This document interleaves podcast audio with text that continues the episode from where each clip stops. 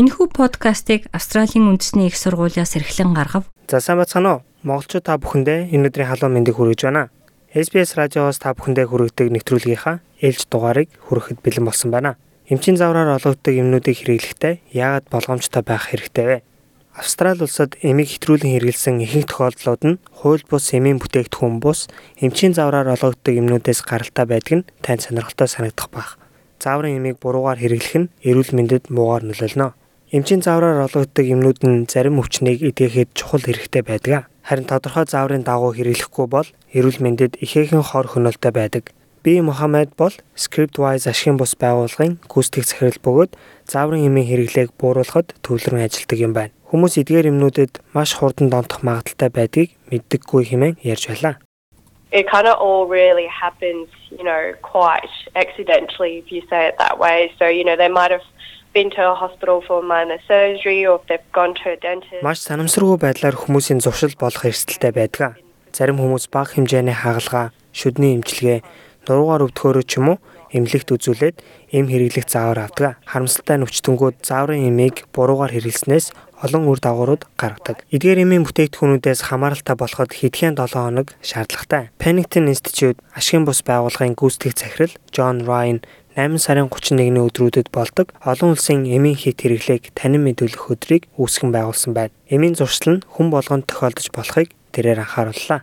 People used to think that the overdose problem was just about heroin or illegal drugs and it only affected people that were illegal drug users. But actually, most overdose deaths in Australia are Нэвтрүүлэн хэрэглэх нь зөвхөн хууль бус эмийн бүтээгдэхүүн харт тамхи зэрэг зүйлсэд л тохиолддог хэмээн хүмүүс буруу ташаа ойлголттой байдаг. Австрали улсад хэвтрүүлэн хэрэглэснээс болж амиа алдаж байгаа тохиолдлуудын ихэнх нь зааврын дагуу хэрэглэх юмнуудээс үүдэлтэй байдаг. Зөвхөн том хотуудад амьдардаг хүмүүс ч биш, хотоос хол орон нутгуудад амьдардаг хүмүүст ч бас элбэг тохиолддог. Хамрагдаж байгаа хүмүүсийн насны ангилалч бас тодорхой насыг хамарсан байгаа нь харагддаг. Хамгийн эрсдэлтэй насны ангилал нь 30-аас 60 насны хүмүүс юм а. Хэрвээ та өвчин намдаах морфин, оксикодон зэрэг хүчтэй эмүүдийг хэрэглэх заавар авсан бол эмч болон эмийн санчтайгаа дахин уулзаж хэрэглэх зааврыг нарийн лавлаарай. I would really encourage people to talk very uh, openly with their doctors about these drugs. It's you know they've got a very important medical role and they're they're actually good drugs. The only um, risk is if they're not taken as directed and for example Миний хувьд хүмүүсийг эмч нартайгаа маш нээлттэй ярилцж байхыг зөвлөж байна. Эмч нарын оролцоо үүнд маш чухал үүрэгтэй. Заавраар өгч байгаа эмнүүд ч бас чухал үүрэгтэй. Гэхдээ зааврын дагуу хэрэглэхгүй бол аюултай байдаг. Жишээлбэл эмчээс бичиж өгсөн эмийг согтууруулах хундаатай хойлж хэрэглэх нь хэтрүүлэн хэрэглэх зуршил үүсгдэг. Тиймээс эмийн санч эсвэл өрхийн эмчтэйгээ эдгээр эмийн нөлөөлөлтөд танилцж өөрсдийн мэдэгдэхүүнээ сайжруулах хэрэгтэй. Эмчийн заавар болон эмийн сангаас шууд худалдаж авах боломжтой эмнүүд эрсдэл дагуулж байдгийг ихэнх хүмүүс мэддэггүй. Полыг хэдэн жилийн өмнө гэмтэл авахд энэ эрсдлийн талаар хинч сануулж хэлээгүй байна. My addiction started probably about when I was 21 years of age. I had a uh, sports injury, a shoulder injury playing football, and I was taking Panadol for that. And um, that wasn't working, and a friend suggested taking. Миний хувьд зуршил маань намайг 21 настай байхад эхэлсэн. Спортын гаралтай олон гэмтэл авч байсны нэг нь мөрний гэмтэл байсан юм. Өвчнгөө намдаахын тулд Panadol эмийг уудаг байсан. Энэ нь сайн өвчин намдаахгүй байгаа талаар найздаа хэлэхэд Nurofen Plus гэдэг эмийг хэрэглэхийг зөвлөсөн. Эндээс л бүх зүйл эхэлсэндээ өдөрт 2 хэсэг хугацааны дараа өдөрт 4-5 ширхгийг сүүлдээ 90 ширхгийг уугаад дараа нэмлэгт хүргэсэн. Полын хэрэлсэн эмийг 2018 оны 2 сард зөвхөн зааврын дагуу олгохоор шийдсэн байна. Энэ нь өвчин намдагч эмийн хяналтыг сайжруулах засгийн газрын шийдэл байсан юм. Scriptwise байгууллагын Би Мухаммед зааврын эмийн хэрэглээг хэрхэн хяндаг талаар бидэнд тайлбарллаа.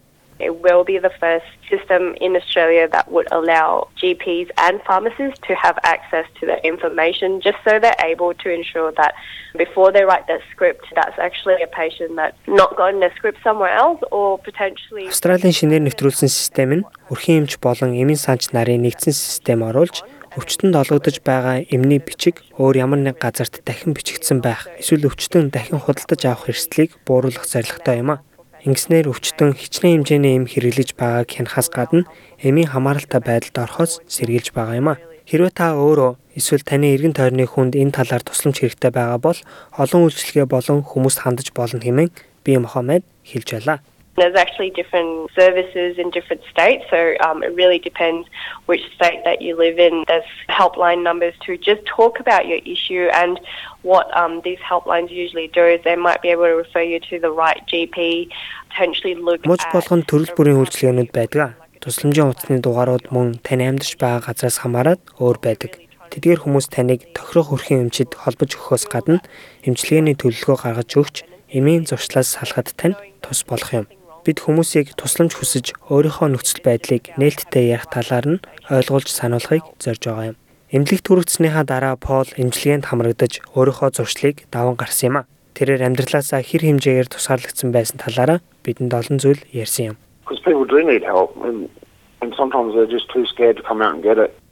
Заримдаа хүмүүс тусламж хэрэг болдгоо.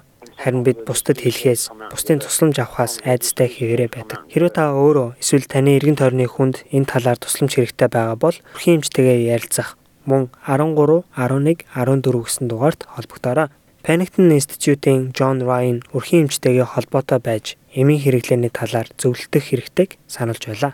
Part of the solution is actually to have conversations about drugs and to have conversation about addiction so that we can actually better understand the risks and also better understand how to respond.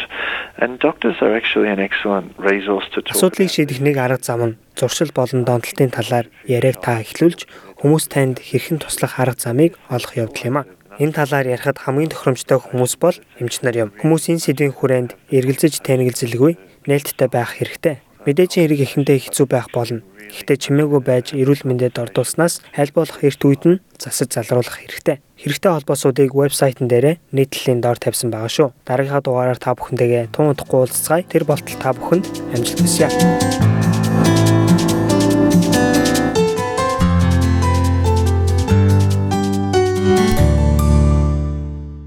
Монгол өв уламжлал Монгол гэсэн өрмөц онцлогоо бид хэрхэн хадгалах вэ? Австралийн тэргуулах зэргийн их сургууль болох Австралийн үндэсний их сургууль нь монгол хэлний онлайн курсыг танд санал болгож байна. Монгол хэлийг сурснаар танд өөрийн сурлага, ажил мэргэжилдээ цааш дахин дэвших боломж гарах болно. Монгол хэлийг бүх шатнд сурч болохоос гадна та хаанч амьдардаг байсан зайнаас сурах боломжтой юм. 2020 оны эхний улирлын эсэлд 12 сард эхлэх болно. Дэлгэрэнгүй мэдээллийг Asia Pacific цэг ANU цэг EDU цэг AU зураас Languages холбоосоор орж авна уу?